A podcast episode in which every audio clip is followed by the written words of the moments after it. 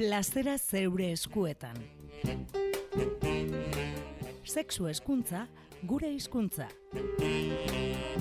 Sarlingo, Euskal Herriko sexu eziketa eskolaren eskutik.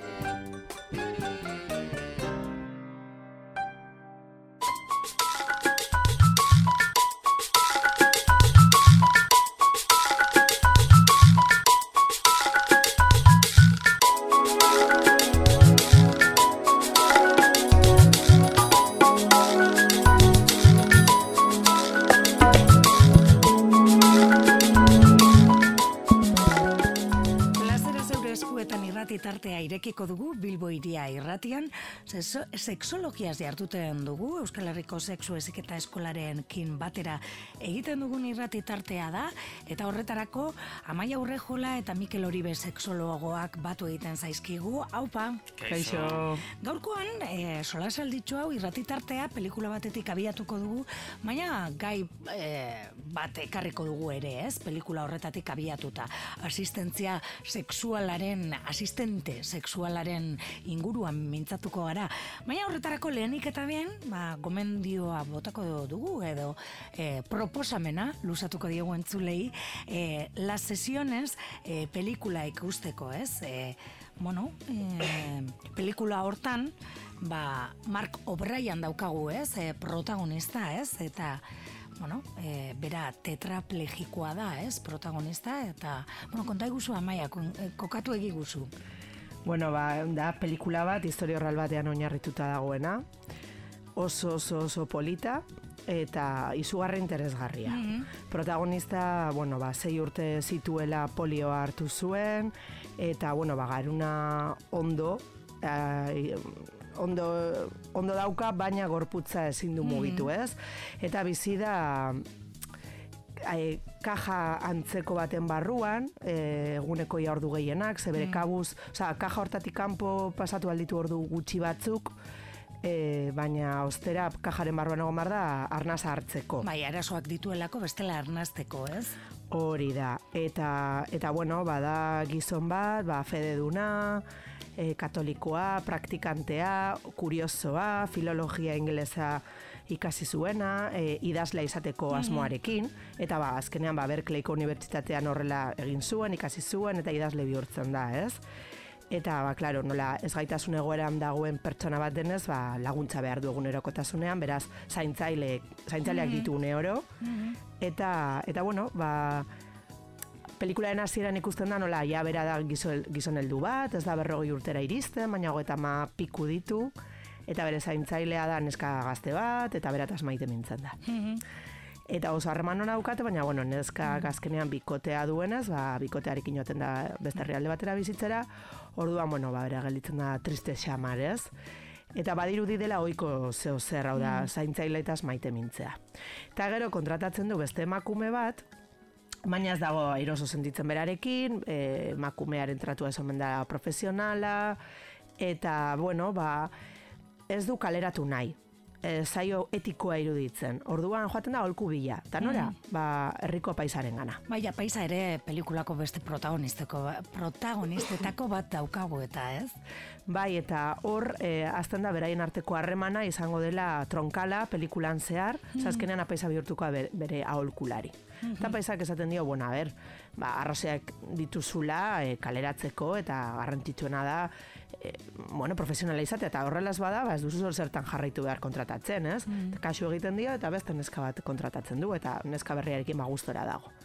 Eta, bueno, horrekin batera, pelikulan gertatzen dago oso, oso interesgarria, hau da, e, idazlea denez, eskatzen diote sexuari buruz artikulu bat idazteko. Hau da, ez gaitasun egoeran dauden, mm pertsonen sexualitateari buruz artikulu bat idazteko. Mhm. Beraz, okurritzen zaio, ba, ez gaitasun egoeran dauden pertsonekin elkarrizketatzea, mhm. ez, ba, jasotzeko beraien e, bizipen. Informazioa edo, ez? Hori, eta esperientzia sexuala. Eta hor deskubritzen du, nola, e, pertsona hauek, beraien sexualitateaz disfrutatzen dutela, mm modu oso naturalean kontatzen dutela, eta, eta, eta askatasunarekin gainera, ez? Eta bera gelditzen da nahiko harrituta. Eta horren arira, ba, kontaktatzen du ere bai, ba, gabinete batekin, non, bueno, kontaktatzen duen momentu horretan, jaitxita dago gabineta, baina bere garaian, ez gaitasun egoeran dauden pertsonen sexualitateari arreta ematen dion gabinete bat da. Orduan, bueno, ba, bertako langile oe, oi batekin hitz egiten du, kontaktatzen du, ez? Eta eta zita askatzen du. Ze hor konturatzen da, ez? Ba, bueno, azkenean, ba, berak nola ez estatu duen, bere bizitza osoan zehar, bere sexualitatea. ez? Mhm. Eta gainera, eta klaro, guzti hau, gainera, e, bueno, apaizaren baimenarekin. Ze prozesu guztian zer ematen dijoa pauso txikiak, eta pauso guztiak aurrera eraman baino lehen, lehen da bizi apaizari aholku askatzen dio. Eta dagor, eh, elkarrizketa bat oso oso klabean ikuste dut pelikulan, dela e, apaizak e, esaten dionean, ez? Baina, baina hori emakume hori zer da, prostituta edo profesionala, ze desberdintasun dago asistente sexualaren eta prostituzioaren artean, ez? Eta eta ze behar izan daukazu, ez? Horra jotzeko eta esaten dio berak, eske azkenean zaintzailen aurrean eiakulatzen dut beti nahi gabe. Mhm. Eta e, eiakulazio hori e, gainera plazerra sentitu beharrean, lotxa sentitzen dut. Karo, txarto sentiarazten du, ez? Hori da, eta orduan zaten dut, hori ez da naturala. Hori ez da sentitu beharko nukena, beraz, nik ere daukat eskubidea, eta naia, ez, ba, nire sexualitateaz gozatzeko. Eta bueno, horrazten da pelikularen beste zati bat, ez, e, asistente sexualarekin harremanetan jartzen da, dela emakume bat dela sexuterapeuta. Mhm. Ze oso interesgarria da, daukaten harremana. Eta, eta ikusten dugu hor nola emakume hori den sexuterapeuta, hau da, mm, gizona, da bere klientea, baina da sujetu kliniko bat. Mhm. Hau da, idazten du bere informe klinikoa, ematen dio jarraipena, e, grabatak, grabaketak egiten ditu, ba, sesio guztien ostean, baina gertatzen da ere bai, ba, zoze kuriosoa. Ze marko, ba, da mm, gizon berezi bat, Mhm. oso sensiblea, eta badirudi hor erdi, erdi, erdi maite mintzen direla. Mark maite mintzen da erabat berataz, Mhm. eta emakumeak ere bai zozer sentitzen, du. sentitzen du.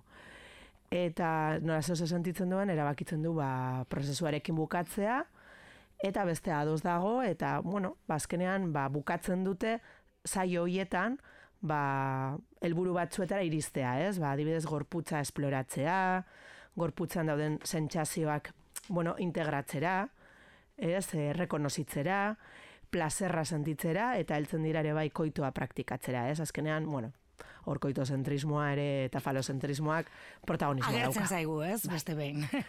Hori da. Baina, bueno, pelikula bai da e, unkitzeko, ez? Naiz eta, bueno, ba, tratatzen duen gaia ere, hausno hartzeko ematen digun, ez? Bai, ez bakarrik asistentzia sexualaren figuraren inguruan, baizik eta niri asko gustatu zait, azkenean e, feduna da, katolikoa da, praktikantea, apaiza du lagun, aholkulari, eta sexuaren gaia tratatzen dute e, puritanismotik at. Ez, nola beti lotzen dugun puritanismoa erlijioa praktikatzen dutenekin, bueno, gehiago doktrina religiosa praktikatzen dutenekin, baina hemen aratago doaz, ez? Eta, eta bueno, ibilbide hori elkarrekin egiten dute, eta eta oso polita da nora iristen diren, ez? Eta ze askatasunarekin bizitzen duten, eta, eta bueno, nik uste horregatik, ba, dela, bueno, da, ezakit, bizipen eta errealitate alternatibo bat, ere ezagutu beharko genukeela. Mhm. Eta, bueno, askotan aipatu izan dugun kontu bat ere e, Dakar pelikula honek, eh? E, sexua kultibatu behar den balore gisa agertzen zaigula, ere, ze pelikulan, ez? Hori da, azkenean asistentzia sexualaren e, figura hortan oinarritzen delako, ez? Hor, e, Mikelek azalduko digu hobeto zein den prostituzioaren eta asistentzia sexualaren arteko diferentzia, baina hortan datza, ez, azkenean, figura horrek argi uzten du, nola sexua den e, zozer naturala, e, deno garela sexudunak, eta beharrezkoa dugula berau espresatzea askatasunarekin, eta bizitzea gure ongizaterako, ez? Bai, Mikel, eskatuko dizugu, ez? E, e, agian entzuleren bat ere entzuten e, e, egon izan delako, eta, bueno, asistente sexuala, ez? E, e, aipatu dugu, ez? E, oraingoan, baina, e, zer da? Zer da sexu laguntzaile edo asistente sexuala? Bueno, ba, depende hori galdetzen diozun, gauza bat edo beste bat esaten dizu. Gaur ere, gaur egun ere polemika jarraitzen du, pelikula honekin bere garaian polemika egon zen, ze batzuk uste zuten prostituzioa justifikatzen zuela, e, ez zutelako desberdintzen prostituzioa eta e, asistentzia sexuala, ez? Azken finan, gure ikuspuntuz, e, prostituzioak egiten duena da, e, eskatzen dionari erantzun sexual bat eman, ez? Edo nori, diru truke. Eta asistentzia sexualak egiten duena da, e, prozesu bat, helburu batekin, eta, bueno, e, jarraipen batekin, hau da, terapia bezala, baina gorpuztuz. Hau da, literalki gorputzara eramanez terapia hori, mm -hmm. ez? Mhm. Azken finan, gure Praktikan jartzen, ez? Hori esango genuke. Hori da, eta horretarako jakin behar dugu ze arazo dagoen, ze, zer da konpondu behar dena. Hau da, asistentza sexual batek ez du balio edo norentzat edo zer gauza egiteko, ez? Oza, nik nio dut norbait, ba, nire zakia miaskatzea, lortu badezaket nire kabuz, hobeto txarrago, bueno, ba, nire kabuz lortu dezaket. Ordaindu e, nahi badut, ba, prostituzioaren gana joko dut. Zer egiten du asistente sexual bat? Ba, dibidez, nik ez badut e, gaitasunik harremantzeko eragokian neska mutiekin, ba, asistentzia sexualaren bitartez, lortuko dut, edo hori da printzipioz asmoa, e, ba hori konpontzea, ez? Orduan, hori detektatu egin behar da, analizi bat egiten da, mm prozesu terapeutiko sexologiko baten oinarritzen da, eta gorputzaren bitartez lantzen da. Eta hori lortzen denean, baina e, ez du jarraitzen zerbitzu horrek. Mm claro, hori da, gure ikuspuntuz prostituzioa eta honen arteko desberdintasun nagusia. Gero jendeak moralitatetik ikusten duenean, bagin nahi baldin badu ez, e, ezberdinketa ingo du, eta ez baldin ez badu egin nahi ez du nahi badu nahaztuko du, ez? Orduan, bueno, azken finan guk behaz daukagu arazo larririk prostituzioarekin, hau da, ez da, ez da oberena, baina norbaitek hori egin nahi baldin badu egin dezala, baina gu seksologo bezala beste ikuspuntu bat daukagu. Baina e, horrek ez du esan nahi kontra egingo dugunek, eh? Hau da, orain arte ez gaitasun e, urritasun fizikoa edo adimena urritasuna izan dutenei erantzuna eman zaie prostituzioaren bitartez. Mm Eta horregaitik gaur egun jendeak e, jarraitzen du pentsatzen sexu asistentzia pertsona hau intzako bakarrik egokituta dagoela, ez? Eta adibidez... Hori interesgarria da ipatzea, ez? E, urritasun fizikoa edo mentala duten e, jendearentzako lan egiten dutela asistente sexualek, baina hori ez du horrelasetan izan behar, ez? Oiek, e, bezero mota batzuk dira, baina esan dudana, e, pertsona normal batek e, arazoak baditu harremantzeko edo adibidez ligatzeko solotzatia baldin bada, ba, e, landu daiteke sexu asistentzaren bitartez, ez? Edo nazka badio bederi genitalei, adibidez, edo akomplejatuta baldin badago ba, adibidez, genitalekin ere bai, berriro ere.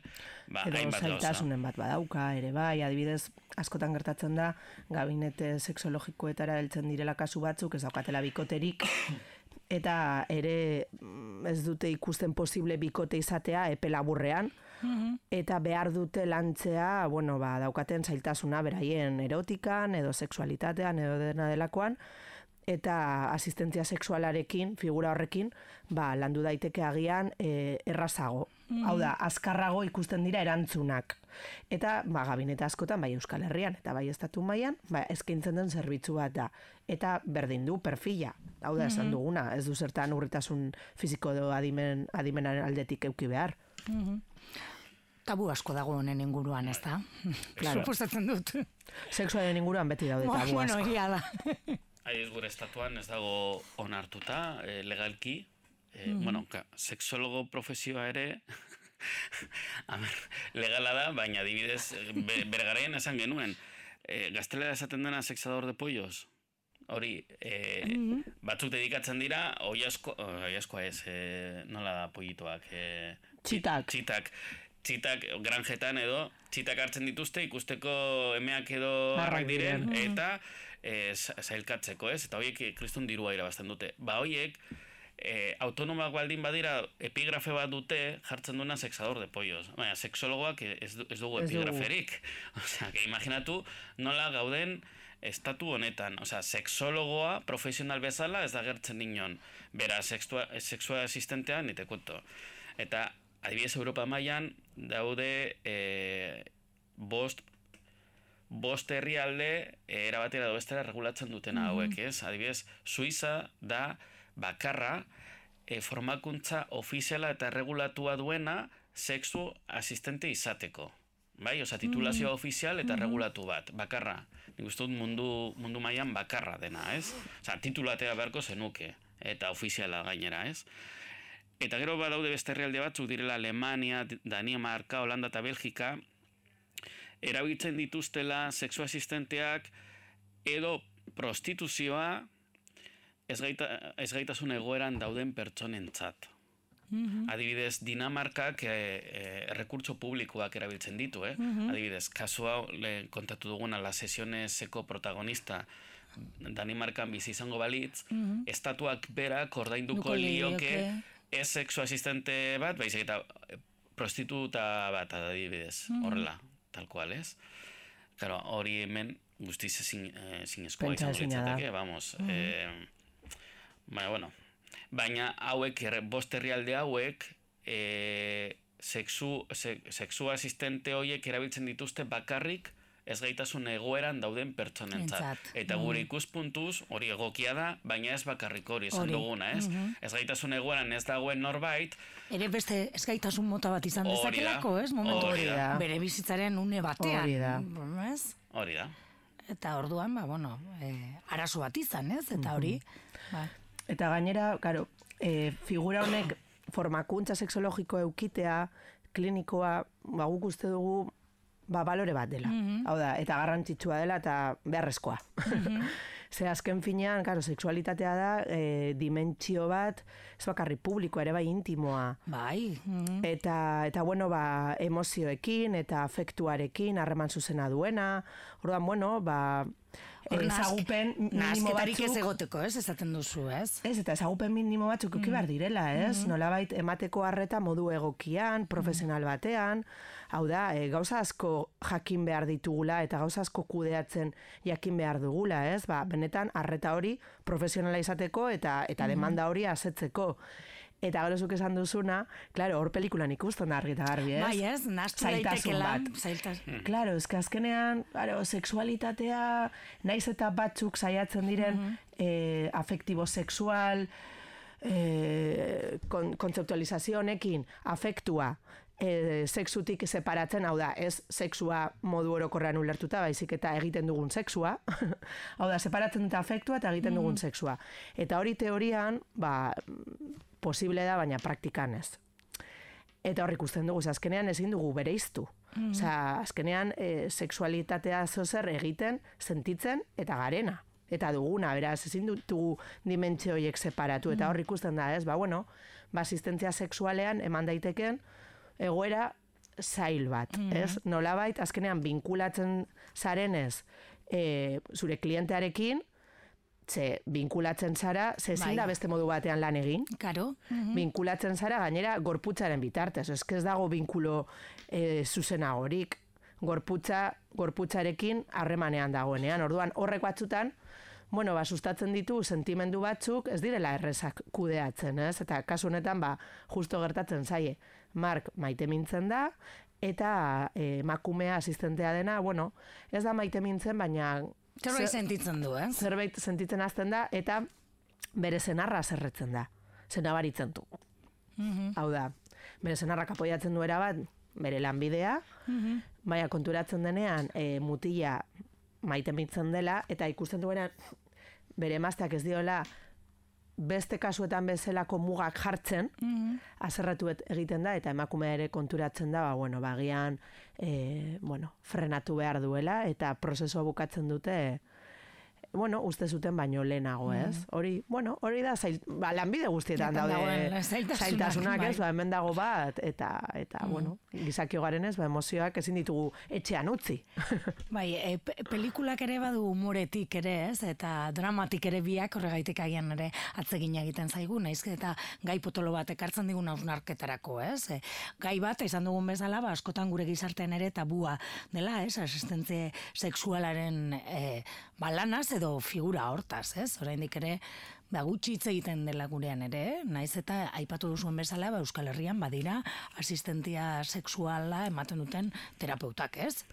Bai. Ba, edo zein, bueno, edo zein ez dakit, baina e, sexologoen gana jotzen baduzu, beraiek igual ez badute zuzenan egiten, ezagutuko duten norbait, e, ez, guk defendatzen dugun terapia mota, kasu hauetan da, e, bi sexologo gotea, bata, mm terapeuta klasikoa denok ulertzen duguna, e, perspektibaz ikusten duena dena, eta bera da gidaria, eta gero beste sexologo bat, neska du mutia, depende kasua, ba eramaten duena, e, sexua asistentzia, hau, ez? Bi mm. sexologo eta eta bezeroa, adibidez. Mea, klaro, horrek garestitzen du prozesua mm, pilo bai, bai, bat. Bai, bai. Orduan, eta, eta bueno, nola, ere, alegala den guzti hau, hemen, mm. eta, oraindik puritanismo itzela, eta tabu izugarri handia dagoen sexuaren inguruan, ba, bueno, ba, ez da oso era mangarria, eta, eta, bueno, ez da erreza, ez, baina, Bai, horrelako, eh, bueno, terapiak martzen jartzea, ez, ez da izango, ez, bueno, Claro, azkenean hor, e, ikerke, adibidez, badaude hor ikerketak sexuterapian argita garbi e, demostratzen dutela e, eraginkorragoa dela terapia kombinatu bat, adibidez, psikoterapia edo sexuterapia e, gehi farmakoak sexuterapia edo psikoterapia bakarrik baino. Mm Ba, oraindik ez dago ikerketa bat, baina egongo izango zen interesgarria ikerketa hori aurrera eramatea. Bentzioak ezin ditugu eskatu horretarako. ez digute, mate. Baina, sexuterapiara jotzen duten pertsona askok, terapia kombinatua jasoko balut, hau da, sexu asistentzia, gehi, terapia sexual klasikoa, ba, asko zer eraginkorragoa, motzagoa, bueno, -hmm. dena barrezago eh, izango litzateke, baina bai. horretarako egia sexu asistenteak euki behar dituela ezagupen sexologikoak. Jakin behar du, e, sexu era, e, giza sexu erantzunari buruz, jakin behar du anatomiari buruz, fisiologiari buruz, emozioen inguruan. Empatikoa izan behar da, oso empatikoa... Sexua balore gisa bai, ulertu behar du. Osea, ematen mm. duela, mm, edo nork egin dezaken lan bat dela, baina hori da... E, e, bueno, uste eh, hori ezin da, vamos. Eta lanketa pertsonal mm. potente bat euki behar du ere bai, mm ze ez dut aburik euki behar eta lotxarik eta komplejuri bere gorputzarekin, beste gorputzak manipulatzeko edo beste gorputzekin harremantzeko ere zailtasunak baditu ezin da, nazka ez ezin da izan emozio bat asko bizitatzen diona, mm eta gero ere bai, ba, prez dagoena, mm, beste gorputz batekin, e, bueno, interakzio intimoak eukiteko, naiz eta ez egon. Mm. Ez kuriositatea, ez atrakzioa. Ez, mm. ez da maite mintzea, ez da hau da, ez da mm. desir, hau da. Mm. E, bueno, bere motivazioa beste bat izan da, eta hori topatzea ez da reza. Mm. Bueno, interesgarria eta gai potoloa ekarri duguna gaurkoan, ez? Mm. E, pelikula batetik abiatu duguna, e, las sesiones, bueno, ba, hortxu e, gomendioa ikusteko, Mark O'Brienen, ba, e, bizitzan oinarritutako pelik, pelikula dugu eta bestetik ba, bertan pelikulan ere agertzen gaur gai hau agertzen denez ba, asistentzia e, edo asistentzia sexuales edo asistente sexualen inguruan mintzatu gara zer diren e, zer da egiten dutena eta zer ulertzen dugu ez asistente sexual baten esaten dugunean ez zer ulertzen dugu zer dagoen hor, hor lan horretan edo. Bueno ba hemen utziko dugu amai aurrejola eta Mikel Oribe eskerrik asko. Beste behin? Txuri. Mm. Bueno, urrengo batera arte. Hori, gaur. Plazera zeure eskuetan. Sexu eskuntza, gure hizkuntza. Sarlingo, Euskal Herriko sexu eziketa eskolaren eskutik.